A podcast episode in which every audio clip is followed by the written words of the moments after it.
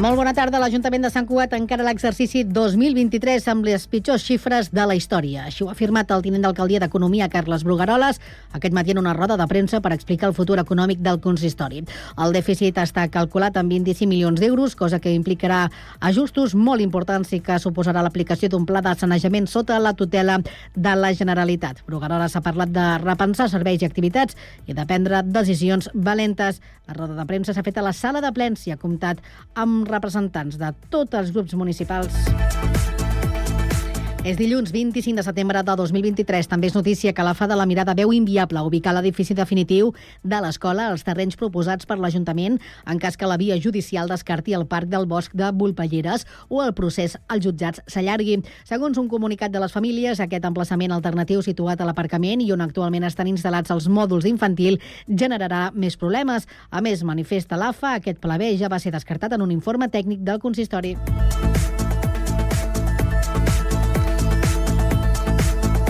Valldoreix tindrà aviat més punts d'il·luminació LED. Seran amb 934 nous fanals, la instal·lació dels quals ha arrencat aquesta setmana per substituir les bombetes de vapor de sodi.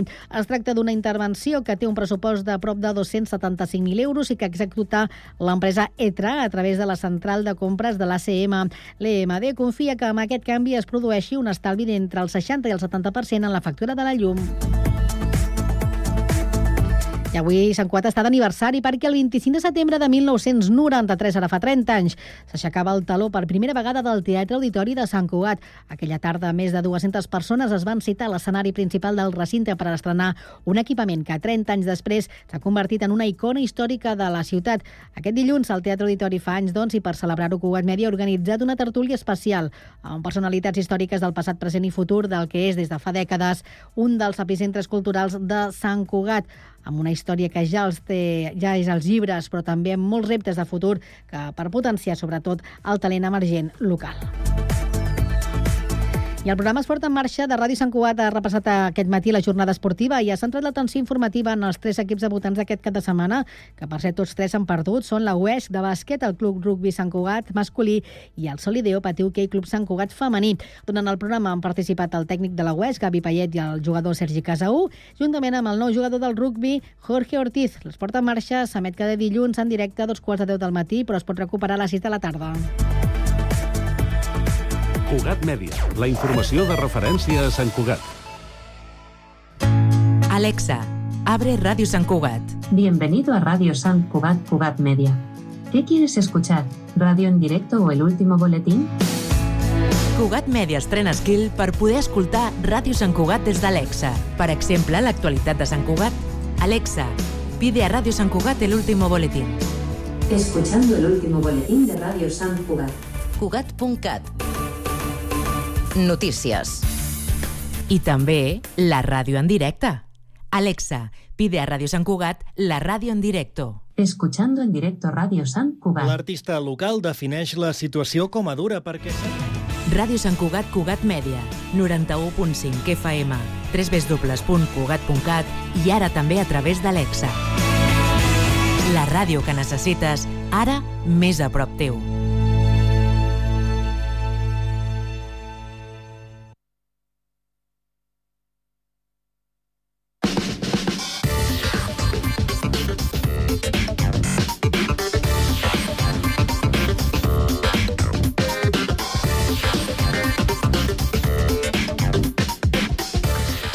Les 5 de la tarda i 4 minuts eh, reprenem el, el Connectats amb l'inici de la segona hora i la informació de servei.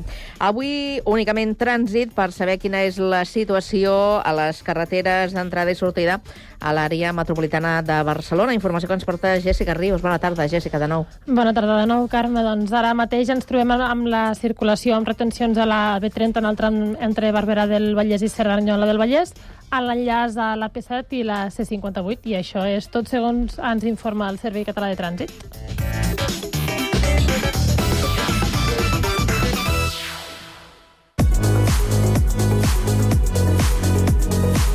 Cada tarda, de 4 a 6, Connectats. Una experiència radiofònica a Sabadell, Terrassa, Sant Cugat, Castellà, El Prat i Badalona.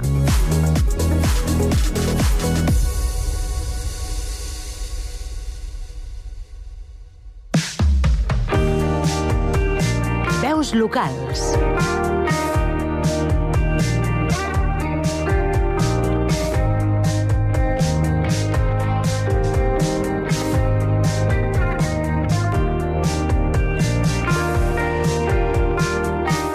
El fenomen social que ha estat el programa Eufòria, del qual s'espera ja la següent temporada, té participació sabadellenca al moll de l'os de la producció. I és que el seu director musical és el Jordi Covino, que és eh, de la ciutat. Pau Duran, bona tarda. Bona tarda, doncs mira, teníem moltes ganes de parlar amb ell perquè té moltes, moltes facetes. Jo crec que us endureu moltes sorpreses, encara que evidentment és un personatge nostrat que el tenim molt present, perquè eh, ha fet moltes coses, té molts cops amagats, i avui els volem descobrir, si no dona temps tots. Jordi Covino, benvingut. Què tal? Bona tarda, com esteu? Doncs molt contents de veure't assegut aquí. Estem acostumats a veure't assegut a la cadira d'eufòria, avui et podem tenir més a casa. A fer de dolent, pobres. T'ho han dit això, que ets el dolent de la pel·lícula? Bastantes vegades, sí, però no soc. No ho soc, t'ho juro. Quin, com et defenses? Quin és el teu argument? Bé, jo estic amb els nanos, amb els concursants de cada any i l'any que ve també, estic cada dia amb ells. Vull dir, és que clar, jo em passo, excepte els dissabtes que descansem, jo em passo diumenge segur. Dilluns a vegades no, però dimarts, dimecres, dijous i divendres estic amb ells, als assajos, ajudant-los, o sigui que jo tinc un mano a mano amb ells i també em sap greu a mi a poder nominar-los no? i fer-los a, a la zona de perill. Però jo sempre demostro. No sóc gratuïtament com altra gent que diuen ah, et faig fora perquè no em caus bé. No? Jo demostro que han fet una errada a les afinacions, que és la meva part, i evidentment és el que és un concurs. Tela, eh, això del bar musical és filaprim, eh? Bastant, bastant. Però d'això es tracta el programa, no? És una de les gràcies del programa, penso. Precisament en aquest programa, clar, la gràcia és que portes tota una experiència d'una trajectòria que eh, portes tu, que precisament has tocat totes les tecles, no? Bueno, unes quantes, alguna en quedarà. Per exemple, anem a repassar una mica. Vinga. A veure si ho dic bé, eh? Mm -hmm. uh, qui era en uh, David Lime? Es pronuncia així? Era un altre, un alter ego meu, fa molts anys, quan jo era petitó, tenia 15 anys. 15? Sí, 15 amb el primer disc, anava a fer 16, anava a fer 16, però el primer single que vaig trobar va ser en 16, a l'època del Max Mix, gloriosa. Max Mix, compte, sí, eh? Sí, esclar, fa molts anys això. Va córrer molt allò, eh? Molt, molt i per tot el món, a més a més. Va ser molt curiós aquella, aquella experiència de 4 anys. De fet, um, oi que, es, es, digue'm, corregi'm si m'equivoco, es va crear com una etiqueta que tenia a veure amb Sabadell, no? I com l'Italo sí, Sabadell o el Sabadell així. Sound, li deien. Sabadell Sound. Això ho va crear un, un bon amic, que és el Xavi Rossell, que estava al diari de Sabadell, era el cronista d'espectacles, i se'n va inventar això, va córrer uh, per la premsa i es va quedar aquest nom com a l'Italo Sound, doncs el Sabadell Sound. O sigui, que mm, tenia un cert parentiu, també, no? Perquè una mica anava per aquí, també, el que cantaves. Sí, era, aviam, nosaltres seguíem una mica la línia italiana del, del l'Italo Disco que es feia llavors en aquella època, eh? I clar, mm, l'adaptàvem una mica aquí, però era mateix so. I tu això de una mica ara el que et toca jutjar dels altres, Sí. eh, com, com et feia sentir? Estar allà a l'escenari, les coreografies... Home, eh, no és fàcil, eh? Jo, jo, no és fàcil estar a les coreografies, recorda. A més a més, aleshores, quan jo gravava discos, com a cantant, no teníem ni autotune, ni teníem gravació digital, ni res, gravàvem amb cinta, cinta ampla d'aquella de 24 pistes, i aquí qui no cantava, no cantava, no es podia afinar ni to tocar res. Diferència que ara sí, no? que no passa res, que és una eina, no? El que passa és que, clar, jo que hi he estat sobre l'escenari, entenc molt bé quan estic a eufòria, eh, no juzgant, perquè no mm, nominant o, o, o assessorant els nanos, sobretot assessorant-los una setmana, sé lo difícil que és posar-se davant i gent que molts no tenen experiència. Són nanos que entre 17 i 20 i pico d'anys, que pobrets, molts no han pujat mai a un escenari, de sobte es troben a l'escenari amb molta gent i de sobte quan acabem de sobre fem un Sant Jordi, davant de, de quasi entre les dos 36.000 persones, imagina't. O sigui que... Allò, per, per fer boca. Sí. Escolta'm, i a partir d'aquí tenies els teus temes i ja vas anar eh, ampliant, però, però com una Sí. massa de- d'oli immensa, el Mm. tema de compotre, no? Sí, jo, jo bàsicament els meus temes els composava jo quan jo cantava al principi com a David Lime els composava jo, i què va passar? que com que jo era compositor eh, em vaig dedicar a composar pels altres. Va arribar un moment que em vaig cansar d'estar a sobre de l'escenari. Van ser 4 anys, jo crec que va ser als 19-20 anys. Vaig estar als 15-16 fins als 19-20 i vaig dir, ah, el que m'agrada mi és estar a l'estudi de gravació i composar per les demés gent. I és el que em vaig dedicar a composar. I doncs, tenia certa gràcia i van començar a passar coses Que valent per això, no? Per part teva, dir, mireu, eh, realment, encara que això no, sigui molt vistós i molt Sí. d'allò, a mi el que m'agrada és l'altre. Sí, és el que m'agradava, és la meva vocació de sempre. Jo sempre he sigut bàsicament de vocació compositor i productor. Tot i que canti, eh, però no, no. De fet, el, els més joves, que ja no són tan joves, però com que ja saps que tot torna, ara es Sí. torna el, el bola de drac famós, Sí. tu tens un pes molt important en el bola de drac. Sí, vaig fer les tres primeres temporades de Bola de Drac. Al principi, a més a més, vaig fer la producció musical de les bandes internacionals i, a més a més, la versió castellana, la que es passa en espanyol a Espanya i tota Centroamèrica, la veu sóc jo, a més a més canto jo. O sigui que ja van dir, no tenemos quien la cante, bé, la canto jo. I sí, sí, ja, ja està. El cas era fer-ho, no? Sí, sí, sí. D'això es tracta. Escolta'm, i també eh, vas tocar el tema música de pel·lícula, també vas estar per sí, filmes... vaig, vaig, vaig fer moltes músiques per pel·lícules. De fet, he fet bastantes i algunes amb Goya. Per tapes, vaig fer la producció musical, després vaig escriure cançons, que va, precisament va ser quan vaig conèixer el Luis Fonsi, vaig escriure una cançó per una pel·lícula que es deia El La força de mi corazón i arrel d'allò hem seguit treballant amb Luis i jo Durant, ell començava la seva carrera fa 16 o 17 anys i va ser una de les primeres cançons que van cantar i li vaig escriure jo, Luis Fonsi i després hem, hem anat veient i a més som amics i, i, i treballo amb ell i he gravat diverses coses, sí, sí De fet, pràcticament et, et relaciones amb, amb artistes de tot el món, no? Si, Sí. si heu d'estar junts és un far de viatjar, això. Bastant. Mira, abans d'ahir vaig tornar d'Itàlia, que vaig estar quatre dies gravant a Itàlia. Ara tinc, tinc un estudi de gravació a Londres, a propi, i allà treballo bastant. Allà treballo molt per molts artistes, tant nacionals com estrangers. Vull dir, sobretot, llatins molts, Centroamèrica també, però també anglesos, anglo, anglosaxons bastants, sí, sí.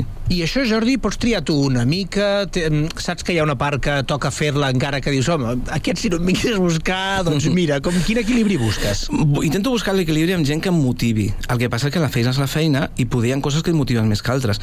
No et puc, també puc dir-te que no n'hi ha cap que no em motivi. Diguis, ostres, això és... brrr". No, em motiva. Has de saber-li trobar el què. El, què, el, el moment maco d'extreure-li coses. Hi ha artistes que coincideixen en moltes coses i altres que menys, però tu passes bé amb la part que t'agrada de cada artista. Amb la qual tu també ja saps una mica què li has de donar a, cadascun, no? Allò Sí. de demanar, no demanar coses rares a qui no te les hauria de donar. No, i saps què passa? És tot molta psicologia. Jo crec que l'artista és psicologia. La, la feina del productor, de la nostra feina, productor musical, és tenir molta psicologia, perquè quan pot venir... Aviam, no és el mateix treballar quan he treballat amb el David Bisbal o amb l'Alejandro Sanz o amb el Pablo Alborán, per posar exemples, que treballar amb una Tony Braxton o una Alan Parsons. Vull dir, són... O, o gent així, no? Vull dir, o, o qui diu això, diu uns Morat, que són de, de Colòmbia, o un Sebastián Yatra, que també l'he produït. Són mentalitats diferents. Aleshores, t'has de ficar molt amb l'artista, no? I és una feina molt psicològica l'estudi. Molt de saber si t'està caient, si t'està desanimant, si està eufòric, i saber-lo portar. O sigui, és un 50% psicologia i un 50% música. Ara estàs dient noms que em sonen, per exemple, Mm. del- d'alguns temes que hem trobat en el disc de la Marató. T'has de bloquejar dates per la tardor per fer-lo o què? El disc de la Marató està acabat, quasi. Ja l'hem acabat de gravar. Que a mi em queda una cançó de totes les que he fet, que aquest any he fet sis, em sembla, sis, sí. I està acabat. Nosaltres anem amb molta antelació al disc de la Marató. De fet, ens n'anem a Londres també, a d'aquí 15-20 dies, a fer el mastering a Abbey Road, al mític estudi. Sí, Dels sí. Beatles? Sí, allà anem. Per tant, el, aquesta feina l'has fet durant l'estiu o inclús primavera? Primavera, a primavera ja estava fent algunes coses. A l'estiu també, perquè he tingut feina, el que passa que ha, ha sigut una mica dur, perquè jo tenia el programa Eufòria i, clar, em dona molta feina a mi el programa Eufòria, és quasi absorbent. Hi ha quatre mesos de la meva vida que els dedico quasi bé a Eufòria. I això tinc gent que treballa per mi, en els que, qual van supervisant i, i, i, i, i, i, vaig controlant, bàsicament. Però el disc de la és una cosa que vull fer jo. Llavors, imagina't, si jo tenia lliures els dissabtes que em deixa Eufòria a TV3, pues, ho feia els dissabtes, i quan no podia, pues, a les nits. O sigui que ha sigut durillo, eh? Porto dos anys sent una mica durillo, però m'encanta fer-ho, no passa res. Clar, però amb el que m'estàs dient, veig que encara és més tetris, no? En, Molt. encaix de cada cosa que no pas dir, mira, durant aquests mesos no em busqueu. No, no, no, és Tetris total. I a part em surten altres produccions que no tinc, no dic, que són Disney, estic fent coses per Netflix, moltes coses que les has d'encaixar, sí o sí. O sigui, treballo de diumenge a diumenge, jo. Sí, perquè a més el, aquest encaix que deies amb Eufòria, per exemple, Mm. aquest tipus de, de, de talent, no? De- Sí. d'ajudar a l'artista que comença, que s'està formant, Mm. ja estaves en, en els Operacions Triunfo, Sí, jo, oi? jo vaig estar al, a l'1 i al 2, però eh, com a productor extern. És a dir, Operació Triunfo vaig treballar amb el David Bisbal, evidentment, amb la Gisela, després vaig treballar amb Manuel Carrasco, a la segona part, vaig treballar amb la Bet, i he treballat amb molts artistes d'Operació Triunfo, sí, sí. Clar, però tu que has estat a les dues bandes, Sí. no? ara quan veus que el, el, el públic, a vegades, potser per falta de fer-se la idea de, del que suposa el global d'aquesta Sí. Sembla que només els hi doni el mèrit amb ells. Què penses de dir, escolta, hi ha tota una gent eh, treballant per, per aquesta creació? quan, quan parles del programa o quan parles dels discos? De, dels discos, per Dels exemple, discos. del Bisbal. Sí, aviam, bàsicament, mira, Bisbal, la primera cançó, el primer gran èxit seu, les vaig escriure jo, que era el Corazón Latino, que, la, que és lletra i música meva, i a més la producció. I ens van vendre 4 milions de discos, i ens van donar un Grammy, igual, moltes coses. Va ser mo- molt, molt, molt maca aquella feina. Per mi és, és suficient. Jo penso que la nostra feina com a productors, quan estic a darrere, és fer brillar l'artista. Això és la nostra feina. I si aconsegueix això, ja ets feliç. I això una mica ho pots transmetre també en els concursants que tens ara Eufòria? Ho transmeto. Ells ho tenen clar. Jo crec que ha avançat molt la nostra feina perquè s'ha donat molta visibilitat a la feina del productor musical. No és com abans. Abans ningú sabia qui era el productor, quin composava, només veien el cantant i tal. Ara hi ha molta visibilitat i la gent, a més, a través de les redes socials, les xarxes socials, eh, ha, ha ajudat molt a que la nostra figura estigui molt present.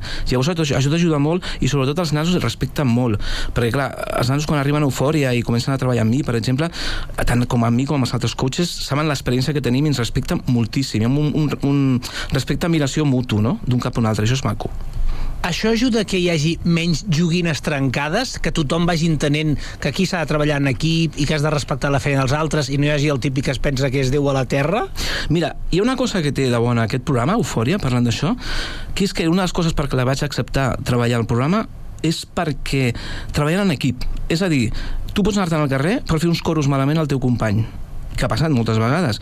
Pots, pots fer una actuació magnífica individual, però si desafines fent els coros amb un company, te'n vas al carrer. Llavors això crea una feina d'equip i unes sinergies que és molt maco. Si ho veiéssiu a dintre, realment són una pinya tots els nanos, eh? No hi ha hagut mai cap mal rotllo entre ells, jo no he vist cap, al contrari, hi ha molta germanor i s'ajuden uns als altres, entre els altres, perquè saben que se necessiten. Ells, tant quan fan com solista com quan estan de coros, es necessiten uns als altres. Uh, parles de la feina d'equip, però jo m'has d'explicar el secret de com tu fas per estar tanta estona entre tanta gent de Terrassa que tens allà. Això és molt perillós. Tenim una colla amb això, és, és brutal. Mira, aviam, jo estic rodeado. Tinc el Miki, que el Miki és... Bueno, me l'estimo com si fos un germà perquè ens coneixem molt abans que ell fos a Operació Triunfo, quan encara es feia maquetes. Lildami, que és un encant, és, és massa alt perquè sempre me'l foten al costat i és que fot dos metres al tio i, que, i el Miki i jo som més baixets i sempre me'l foten al costat. Però bueno, tinc el Lildami, tinc el Miki, tinc... Uh, aviam, aquest any que hi havia... Hi havia la Carla aquest any de Terrassa, però hi havia diversos. Però és que a més, qui més hi ha de Terrassa? Espera, qui més hi ha? Que n'hi ha més, eh? Estem rodejats de Terrassa i sempre estem a la mateixa conya Terrassa, Sabadell, Sabadell, Terrassa. No? Aquest any, sortosament, que he tingut a la, a la Natàlia i el Carlos, menys mal que em recolzaven. Bueno, l'any passat també tenia una persona que m'estimo molt, que és el, del meu poble on visc ara, que és el Triquell, que era veí meu, a més a més, a Sant Quirze del Vallès, que jo ara visc, fa anys que visc a Sant Quirze, i, i, i me l'estimo molt, el Triqui, també, sí, sí. Déu nhi Deies això que el, amb, el, amb els terrassencs, amb Sí. el Miqui, eh, de molt, molt abans de que la gent comencés a saber ni tan sols qui era. A mi el Miqui, t'explico una anècdota, no sé si hi haurà temps que te l'expliqui, però bueno. El Miqui, eh, jo recordo que el vaig conèixer en una festa, jo he col·laborat sempre a l'Hospital Sant Joan de Déu pues, eh, perquè m'agrada ajudar la gent, eh, a- als nens, eh, és la investigació del càncer infantil, no? I en una festa privada que van fer, el Miqui estava també com a voluntari en aquella festa. I me'n recordo que em va dir, ostres, tu ets el Jordi Cubino? Dic, sí, sí, sí, tal. Et deixo un CD, va anar al cotxe a buscar-me un CD que estava gravant, el nano encara no, no havia fet res. I jo vaig sentir-ho el dia següent, em va agradar molt, i, el dia següent el vaig trucar, no, el dia següent no, perdona, vaig viatjar i a la setmana següent el vaig trucar, i li vaig dir, tio, m'agrada molt, vine a l'estudi. I el tio va dir, no, és que no tinc diners per pagar-ho. És igual, ja t'ho pago jo, tu vine al nostre estudi. Van quedar de parlar al cap de dues setmanes i al cap de dues setmanes em va trucar que l'havien agafat per Operació Triunfo. O sigui que això és l'anècdota amb el Miqui, imagina't. déu nhi eh? Com són els calendaris. Sí, sí, és molt bo. A més, el seu pare, la, és que conec el pare, la mare, és igual que els concursants d'Eufòria, conec el pare, la mare, els germans, clar, ja ve tota la família, i, i agafes molta amistat, però molta amistat, i, i vas a casa seva, inclús, eh? Jo he anat a casa de molts dels pares dels concursants, perquè és, és tot com una família, és, com, és molt divertit. Escolta'm, hem d'acabar l'entrevista. Cap problema. Però et demano que em triïs un tema musical per posar la cirereta. Buah, mm, això és molt difícil, perquè és que m'agraden tantes cançons. Quina, quina puc dir-te? Jo sóc un fan, fan, fan terrible de Queen.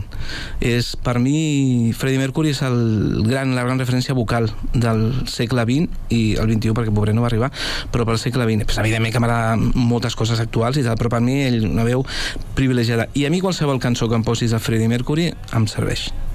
Jordi Cubino, moltes gràcies per venir connectats. Una forta abraçada a Sabadell.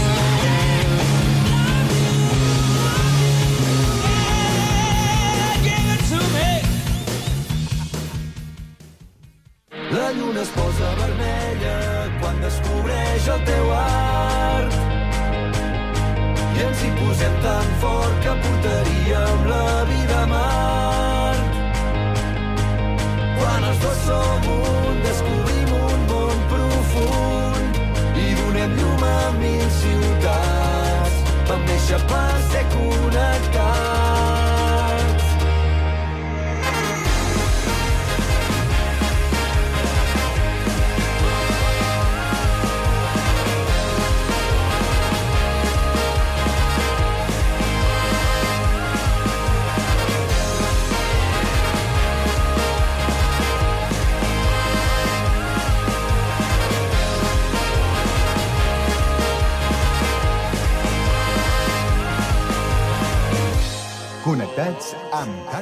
Carme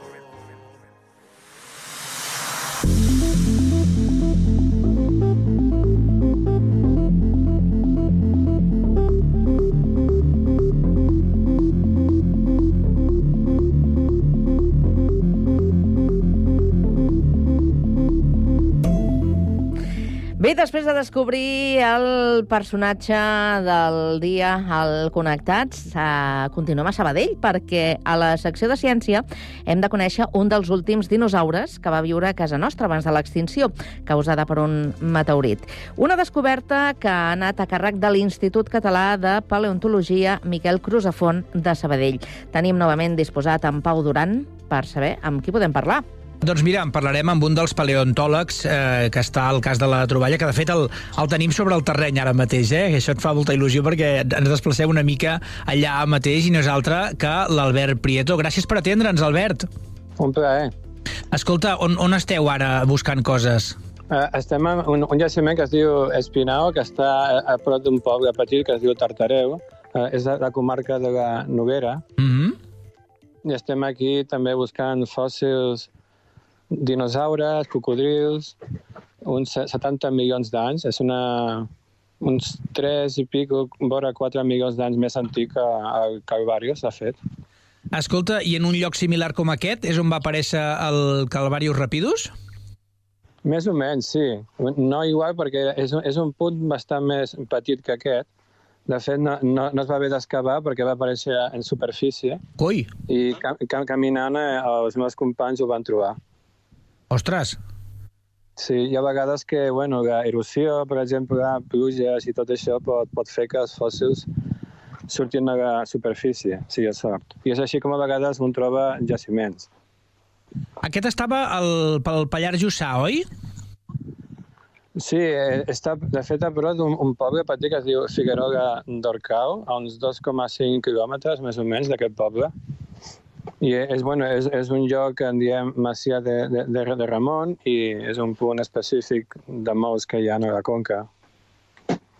I el, el, ens dèieu que una mica eh, potser va ser eh, algun dels darrers dinosaures com a, com a espècie existir eh, abans pràcticament de l'extensió que va, extinció que va causar no? el, el meteorit al planeta? Sí, sí, és, de fet, eh, bueno, abans, diguem, en, en termes de temps geològic, o sigui, abans estem parlant de bastants de, bueno, potser uns 100.000 anys, una cosa així, una mica més potser, però estem parlant d'aquestes dates, o sigui, aquí dintre hi cap tota la història de la humanitat i més, vull dir, però bueno, abans en termes ge ge ge geològics sí, perquè normalment parlem de milions d'anys, no? si tenim en compte que els dinosaures van estar a Terra uns 160 milions d'anys i eh, els membres d'aquest grup, doncs, una bona part d'aquest temps, doncs, 100.000 anys és molt poc. Mm -hmm. el, li veu posar Calvarius Rapidus per què? De Calvarius és perquè com està tan a prop del que seria el filet de l'era dels dinosaures, de bueno, la gran catàstrofe, l'impacte de l'asteroide que va acabar amb el 75% de la vida sobre, sobre la Terra, no només dinosaures, sinó cocodrils, peixos, moltes plantes, i llavors el de Calvari és perquè bueno, seria estar a prop d'aquest Calvari, no? Entre, bueno, ve de, del terme català. I, I llavors el de Ràpidos és perquè pensem que era un animal bastant àgil i que segurament serà capaç de moure's amb bastanta velocitat, però comparat amb altres membres del mateix grup, que eren bastant molt més grans i massius. I aquest animal era una excepció.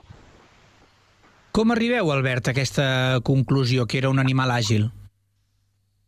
Doncs això, per, per les proporcions morfològiques d'aquest os, o sigui, aquest os es tracta d'un metatars número 4, o sigui, de, del quart dit. Aquests animals tindrien tres dits al peu, que serien el 2, 3 i 4, i llavors aquest és, diguéssim, és el, el dit de, de fora, número 4, i llavors en, és un os bastant llarg i esbelt, i aquest tipus de morfologia es troba en animals que són bastant ràpids i àgils. I, el, i això és, em deies que és en comparació amb altres espècies, eh? Sí, llavors, bàsicament, la forma d'aquest os és molt similar a la que tenen aquests metatars 4 d'altres espècies de, del mateix gran grup, però mentre que en les altres espècies és un os bastant gruixut, aquest és un os molt estilitzat i a més d'una mida molt petita. Estem parlant d'un animal que en vida tindria poc més de dos metres de, de llarg. I era un animal que, si bé no era totalment adult, li faltava poc. Mentre que la resta d'espècies són animals que estem parlant de 10 metres, 7 metres, a vegades com a mínim 6, i fins a 12 metres en algunes es- espècies. Llavors és un, és un animal que havia evolucionat d'una forma bastant única. I el més semblant, eh, ens hem de sortir d'aquest gran grup al que pertany aquest animal i anar a unes espècies bastant més ancestrals que sí que tenen unes eh, proporcions de, de, de les potes similars. El... I sabem que aquests animals, per, per la resta de l'esquelet, que Sí. coneixen eh, espècimens millor preservats, amb més ossos, sabem que eren animals àgils. Llavors, per comparació, I has dit també, Albert, que, el, que et sembla que era un animal adult, ja? És a dir, que pots aventurar una mica el- els anys que tenia, l'edat que tenia? Doncs potser uns 7 o 8 anys, una cosa així, eh, o potser com a molt 10. Això sabem perquè van fer una secció de gos i, i podem comptar com si fossin els anells d'un arbre. Cada anell seria un any i pots anar comptant i estimant l'edat que tindria. No sabem quina seria l'edat d'un adult, però sí que podem veure quan les, les línies es comencen a veure més jun juntes i vas veient que, la, que el, el creixement es va fent més lent. I això passa quan l'animal ja s'apropa a, a la seva mida d'adult. Llavors és un animal que encara li faltaven potser dos o tres anys, però ja, ja es veuen a la, a la morfologia de la histologia, que es diu, de l'os, que aquest animal ja estava començant a, a parar de créixer, bàsicament. Llavors seria un animal jove, però que s'aproximaria a l'estat adult. Ja. Llavors, massa, massa gran no podia ser, ja. O sigui, un animal que potser dos metres i mig, com a molt, en el seu estat adult. I això, Albert, fa que us pugueu imaginar també quin, quants anys de vida devien tenir els exemplars d'aquesta espècie? Ho podem estimar, però com és l'únic eh, exemplar que, que, que en, en tenim d'aquesta espècie i només tenim un sol os, mm, és una mica especulatiu. Eh, altres membres d'aquest gran grup podrien arribar a l'estat adult en 14, 15 anys, 13, però clar, estem parlant d'animals molt més grans que potser tenen una fisiologia diferent i és un punt en el que no podem tampoc eh, afirmar masses coses, és que no trobem més material. És d'esperar per això, que apareguin més calvarius? En principi sí, de fet hi ha, hi ha, hi ha jaciments on han aparegut ossos d'aquesta mida, el que passa que són altres parts del, del cos. I llavors no podem comparar. No podem saber si és la mateixa espècie o és una altra espècie també. Perquè el que ens faria falta és trobar un altre metatars 4.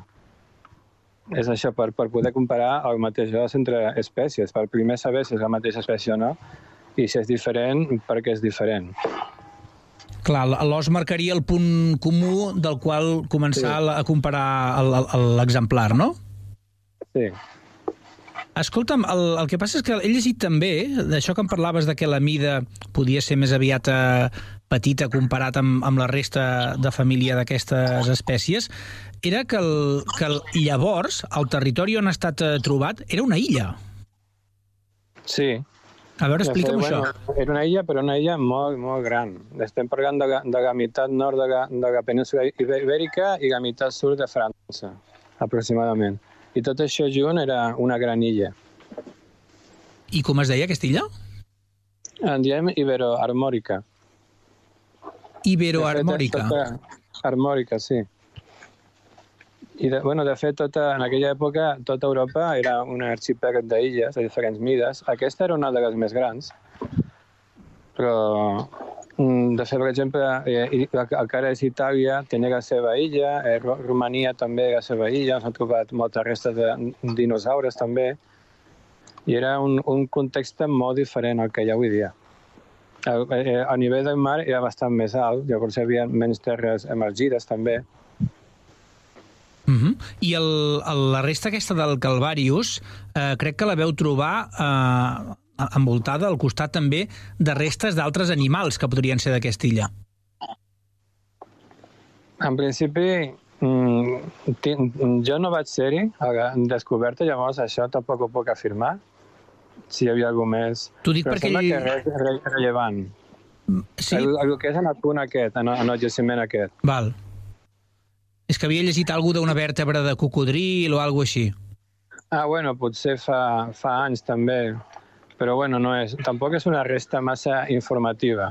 Les vèrtebres normalment, diguéssim que t'informen del de, del grup, però rarament donen informació per concretar més espècie. Per exemple, no? en el cas d'aquest grup que pertany al Calvarius, les vèrtebres són molt, diguéssim, genèriques. D'acord. I el, abans, quan Sí. parlaves de l'extinció, eh, crec que he vist que l'extinció eh, que provoca el meteorit és de tots els dinosaures no avians. Quins són aquest tipus Sí. de dinosaures?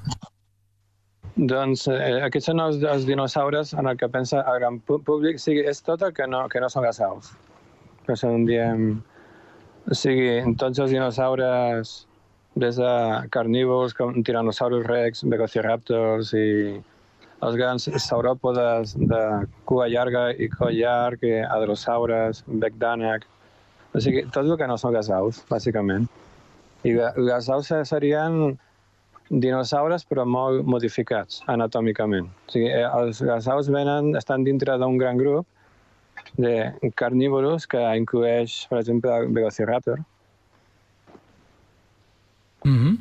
I el, et volia demanar sí. també, el, he vist que un de les, dels adjectius que es fa servir en la descripció d'aquest grup de dinosaures és que eren cosmopolites. Què vol dir això? Ah, que es troben per tots els continents. Mm. Des de l'Antàrtica fins a Austràlia, Europa, Àsia, Nord, a, a tot arreu.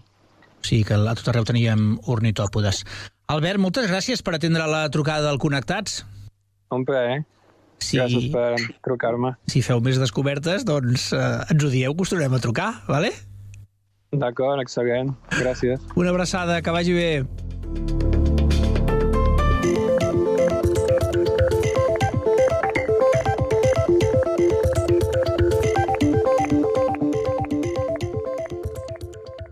A la tarda, no et desconnectis. A la teva ràdio local, connectats. Can't touch this. Can't touch this.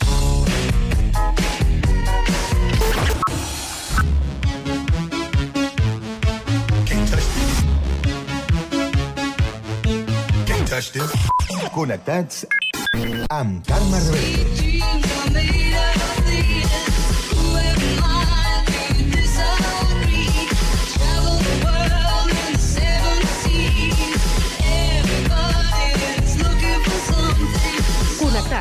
Una experiència radiofònica a Sabadell, Terrassa, Sant Cugat, El Prat, Castellà i Badalona.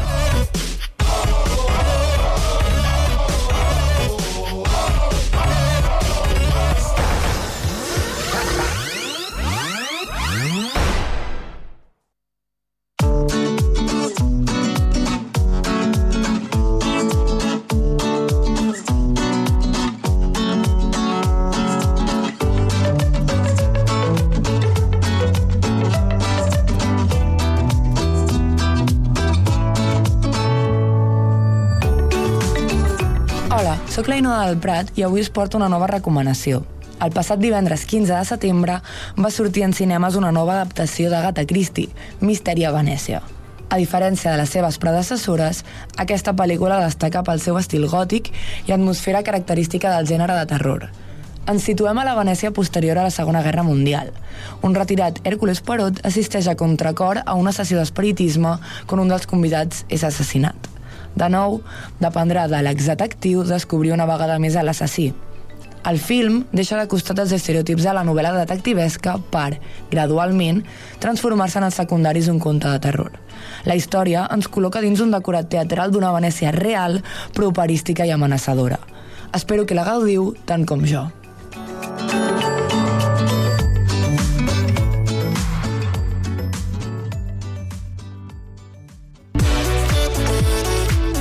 tarda, no et desconnectis.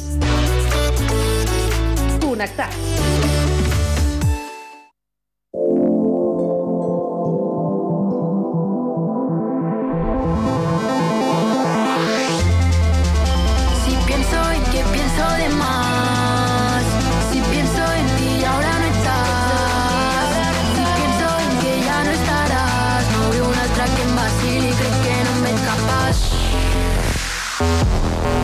está loco.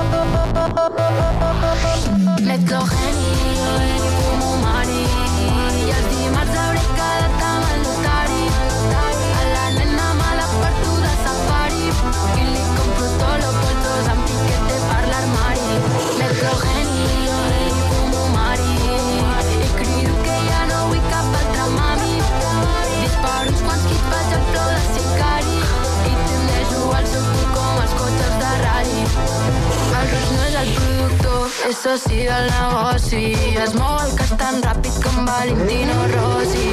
M'han dit que tots tenen por de que ara els destrossi. I ara estic tranquil·la, digue'ls dic que no tossi. Baby, perduda pel culet de la Xori. M'ha susurrat, bebé, tu no t'enamoris, ja. Fem pecats, tenim tot un repertori, ja, mà.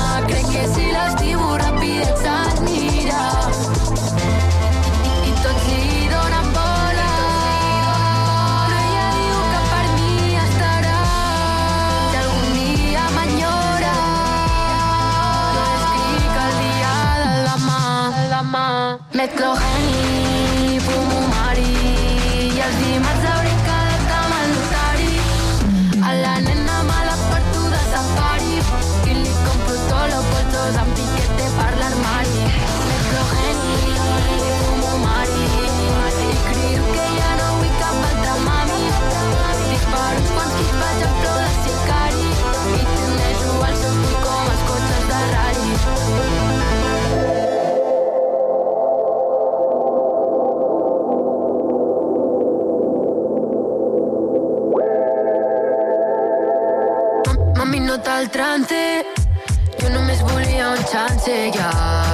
No vi que descanse, nunca tuve miedo a pasarla mal. Este De culet entre el fumbo, las views.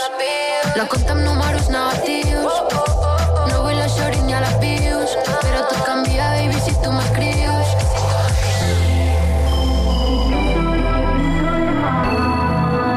Si pienso en ti y ahora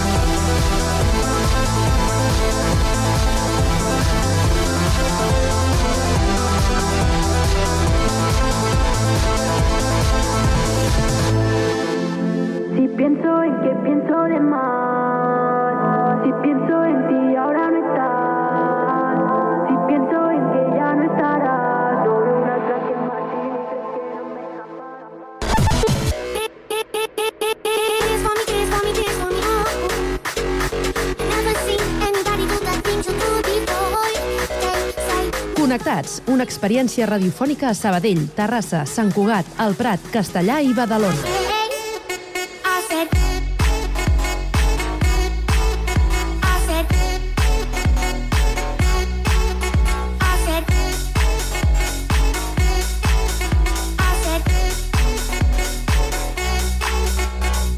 Connectats amb Carme Reverte.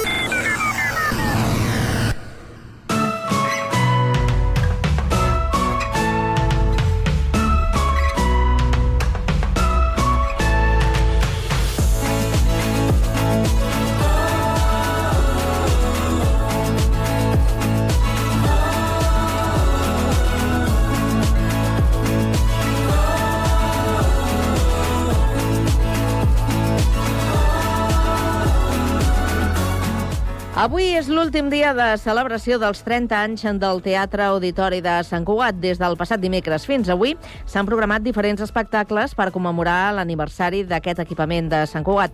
Avui es tanquen aquests 5 dies de programació amb el monòleg Bona gent del presentador del programa de TV3 El Foraster i monologuista Quim Masferrer. Al Teatre Auditori ja hi tenim la Jèssica Rius per parlar amb ell sobre la seva funció i per fer una mica de crítica de la situació del teatre a Catalunya al, fins al dia d'avui. Jèssica. Bona tarda, Quim. Estàs ultimant ja els detalls perquè queden unes hores per pujar a l'escenari per dir allò de Sant Cugat, sou molt bona gent. Uh, bueno, ho haurem de veure. sí, home, clar que sí. Uh, a punt, aquest, aquest espectacle eh, és molt xulo perquè no saps mai què passarà. I ara he fet aquesta brometa, que gairebé et puc confirmar que acabaré així, eh? Però, però sí que té, té, té molt de- de- d'incertesa, perquè el protagonista és el públic, per tant, eh, el protagonista d'avui serà la gent de Sant Cugat. No sé què passarà, no sé què m'explicaran, no sé si riurem, segurament riurem, però no sé de què. Uh, I això és el que fa que aquest espectacle porti més de 350 funcions i que no n'hi hagi hagut ni una d'igual, cap. Uh, per tant, no sé què passarà. Vas, vas venir al novembre del 2018 amb el mateix espectacle. Què ha canviat des de- des d'aleshores? El públic, no, no, no, no, ha no ha canviat res. És a dir, eh, el, el 2018, quan vaig venir, vam viure unes històries, avui en viurem unes altres, perquè segurament el públic és diferent, perquè amb les persones que parlaré seran diferents, i, i de fet això que ha passat aquí a Sant Cugat, de, de tornar amb el mateix espectacle, m'ha passat a moltes poblacions. I fins i tot, eh, que és una cosa que a mi m'agrada molt, que és eh, que hi ha molt públic que repeteix molt. És a dir, no fa gaire em vaig trobar una parella i diuen és la quinzena vegada que et venim a veure. Dic, hòstia, dic, feu primer feu-vos-ho mirar. Però, però és veritat, és que sempre és diferent. Per tant, eh, no ha canviat res però del 2018, però ha canviat tot. Perquè totes les funcions són diferents. I ara anant més a la vessant de, de la cultura, els teus espectacles solen esgotar les localitats, però com veus la cultura teatral a Catalunya ara, després de la pandèmia? Ostres, um, és que em- jo em dedico a la cultura però hi entenc relativament poc amb el moviment cultural. És a dir, que jo sóc una mica un abarraris dins, de, dins del mundillo en el sentit que, que vaig molt a la meva, que, mm, que sóc una miqueta un satèl·lit en el que no necessàriament eh, estigui molt al dia del que passa culturalment a Barcelona, les cartelleres, volgudament, eh? Vull dir, va haver una època que estava molt al, molt al dia, però que, que últimament eh, doncs, doncs menys. El que sí que puc dir és que eh, segueix havent el mateix de sempre, és a dir, que la gent que té ganes de dir coses trobi plataformes per poder-los dir, perquè si no perdem talent. I en aquest país hi ha molt talent, i en el terreny que que em pertoca a mi, que és el del teatre, de les arts escèniques, vull dir, no cal que digui eh, les trajectòries de companyies i d'aportacions eh, culturals que han fet en aquest país. I aquí necessitem, això sí que per molt que passi el temps eh, és sempre vigent i per molt que estiguis desconnectat, segur que segueix sent molt necessari, que és demanar a les administracions que facin costat perquè no es perdi ni una mil·lèsima de talent que tenim en aquest país. Hi ha molta diferència entre el públic que, que ve de diferents pobles o ciutats i veus molta diferència entre uns i els, i els altres a veure l'espectacle de Bona Gent? Sí, però saps què passa? Que a vegades fas dues funcions en el mateix lloc, una a les 6 i una a les 9, i és el mateix poble, és el mateix teatre. I les dues funcions són totalment diferents i el públic és totalment diferent. Uh, és, a mi m'és complicat, eh, de, allò, com som els catalans, Uh, com som els de Girona evidentment que tots som diferents però en el fons a les persones i aquest espectacle va molt del que ens preocupa a les persones uh, de la mateixa manera que el, el Foraster, el programa de televisió es nodreix del que t'explica la gent te n'adones que a les persones ens preocupen mm, les mateixes coses a tot arreu, a tot el món. Aquí a la Patagònia, o sigui, ens preocupa la feina ens preocupa la salut l'amor la mort. És a dir, trobaríem quatre o cinc coses que ens, a, a, a tot arreu. A Sibèria, a Estats Units i a, i a Malàisia i a Papua Nova Guinea. El que són interessants són els matisos. I aquí és on ens fa diferents. Per això dic jo que, eh, evidentment, que un públic de poble, que potser si fan poques, poca, poques espectacles de teatre, el dia que n'hi ha un, veus un entusiasme i un fervor que segurament no el veus en unes actuacions a ciutats on estan més avasats, però en, un- com que tots, són, tots som diferents, és el que fa que, que aquest espectacle també es nodreixi molt d'això, no? I ja per acabar, quanta vida li queda al Foraster i a Bona Gent? Estàs pensant en nous projectes o, o vols allargar molt més aquests? Um, no en tinc idea. També saps què passa? Que, que, que no depèn exclusivament de mi. Clar, al Foraster portem 9 temporades, uh, 10 anys, i mm, s'ha emès un programa, el de la setmana passada, i va fer un 27% de share, que és una autèntica bestiesa.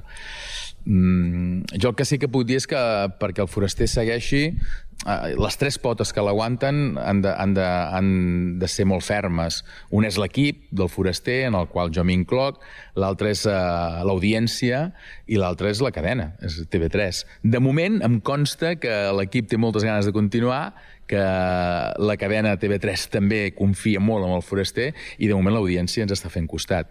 Quan una d'aquestes tres potes falli, doncs suposo que s'haurà acabat. I l'espectacle Bona Gent, que ja no depèn de tantes potes perquè depèn exclusivament de, de la companyia i de l'equip, jo el que puc dir és que mm, porto 350 funcions totes diferents, han passat gairebé 300.000 espectadors, 300.000 espectadors, que això és una bestiesa, i tinc la sensació que és un espectacle que vaig estrenar ahir.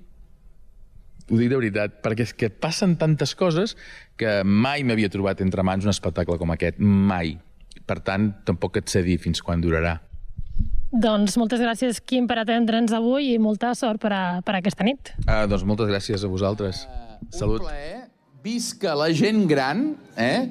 I sobretot, sobretot, no us deixeu l'home pel camí. No, home, no és pas tan lluny. Que vagi molt bé, eh, Enric? Què tal? Bien, ¿y tú? Et, et fa res que t'aixequis un moment? Et pots aixecar...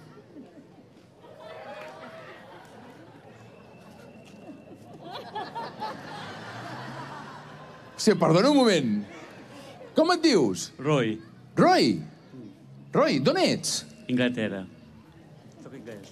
Ets anglès i vius aquí a Platja d'Aro. Fa 46 anys. Quan? 46. 46 anys que vius aquí. I com és que vas venir a petar Platja d'Aro, Roy? Porque he tenido mucha suerte de conocer mi expareja y me he llevado hasta aquí. O sigui, vas venir per amor? No, por suerte. Por, amor, por amor, por amor. Para quedar por amor. No saps per què vas venir, bàsicament, no? He venido a pasar la temporada y me he quedado. Vas conèixer a la teva exparella. Ella va fotre el camp i tu vas quedar... Platja... Ell. ell, va fotre el camp i... Él está aquí. Però és ex exparella. Sí. Però, en canvi, va deixar Platja d'Aro. No, está, vive aquí, pero está en Brasil ahora. Ah, collons, que és complicada la gent, eh? Vale, vale, vale, vale. Roy, una cosa. Pot ser que sigui la persona més mudada que hi ha avui aquí? Bien lo sé. Ell, perdoneu-me, que és d'origen anglès, és de Platja d'Aro, acabo de trobar la definició de dandy. Sí o no? Gentleman. Un gentleman. Clar que sí. Tanto. Roy, digue'm una cosa. Mira quina repassada que t'han fet. Roy, tu que vas venir aquí fa molts anys i de fora, d'Anglaterra, com és la gent de Platja d'Aro? Maravillosa. Maravillosa. Ha cambiado mucho, ¿eh? En 46 años ha cambiado mucho. La gente aquí son la mejor que hay. La mejor que hay. La mejor, la mejor. La gent de Platja d'Aro és la millor que hi ha. Roy, un placer. Un placer. Un plaer. Molt bona gent. El què, el què? Som bona gent. Som bona gent, guaita el tio. Hòstia, segueixes el programa meu? Siempre. Nos encanta. Ay, ay, ay, ay, Nos encanta. Nos encanta. Hòstia, que bé. Que bé, que Què bé. t'he dit abans? Som molt bona gent. ¿Qué te he dit també? Sí? ¿Qué? He dit, he sacado una foto. He dicho, ¿quién es sort? Al costat tu, al costat teva, salto millor. Más, más, no. Saldré más favorecido. Al costat teu. Que cabron l'anglès aquest. A casa podré explicar que de cop i volta he conegut a l'Eduarda, que ella és de Sevilla, que cada tres paraules deixa anar cinc conyos i que resulta que la... li agrada el xampany, bàsicament. Però és que a casa també podré explicar, i li he fotut una hòstia el de davant de por, a casa podré explicar que he conegut també un butxejador. ara que el teníem aquí. Mira'l, mira'l, que va fent així. I que darrere d'una calva eh, eh, ha sortit una història maca. Perquè resulta que eh, el dia 11 de juny es fa un acte, oi que sí? Veus? Eh, ens ha explicat que a partir d'un esport com és el boxe, la boxa, doncs hi ha un factor social molt important. Fins al punt de que tenia alumnes per aquí amagats, mainada, que se'ls ensenyen uns valors. I, ostres, a mi personalment això... A la tarda, no et desconnectis. Connectats.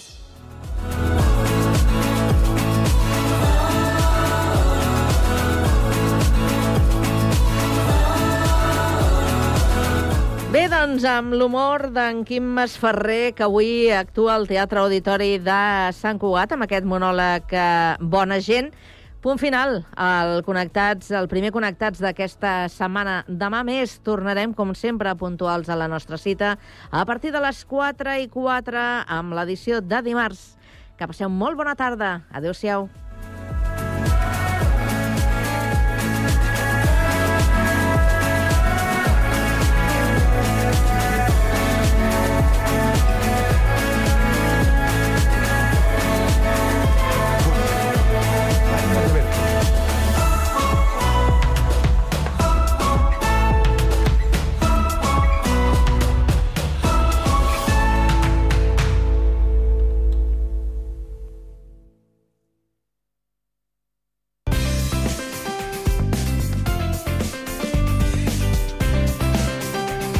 Ràdio Sant Cugat, Cugat Mèdia, 91.5 FM.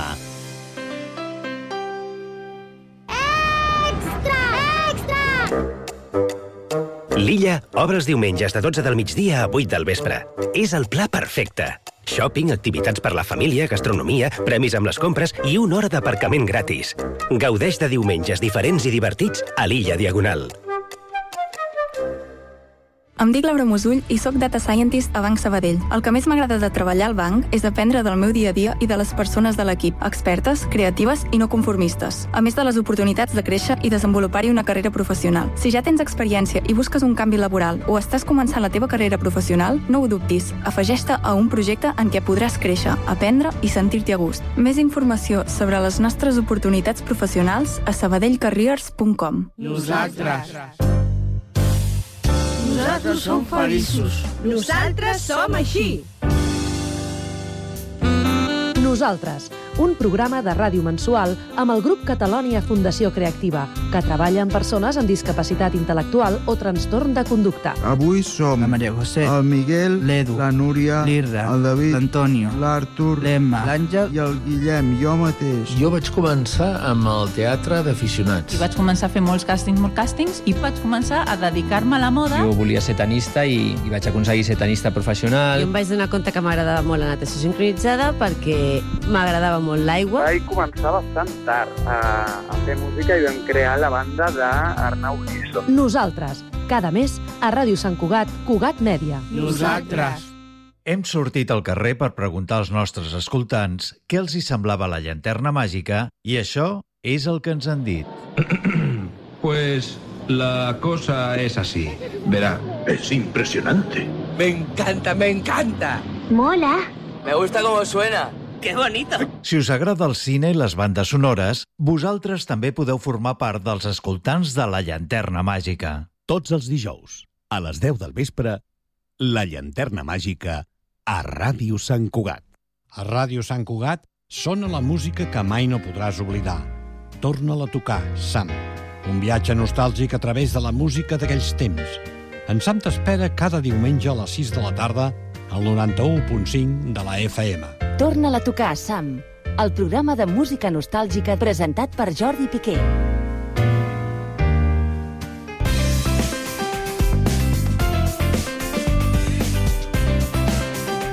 Ràdio Sant Cugat, Cugat Mèdia, 91.5 FM.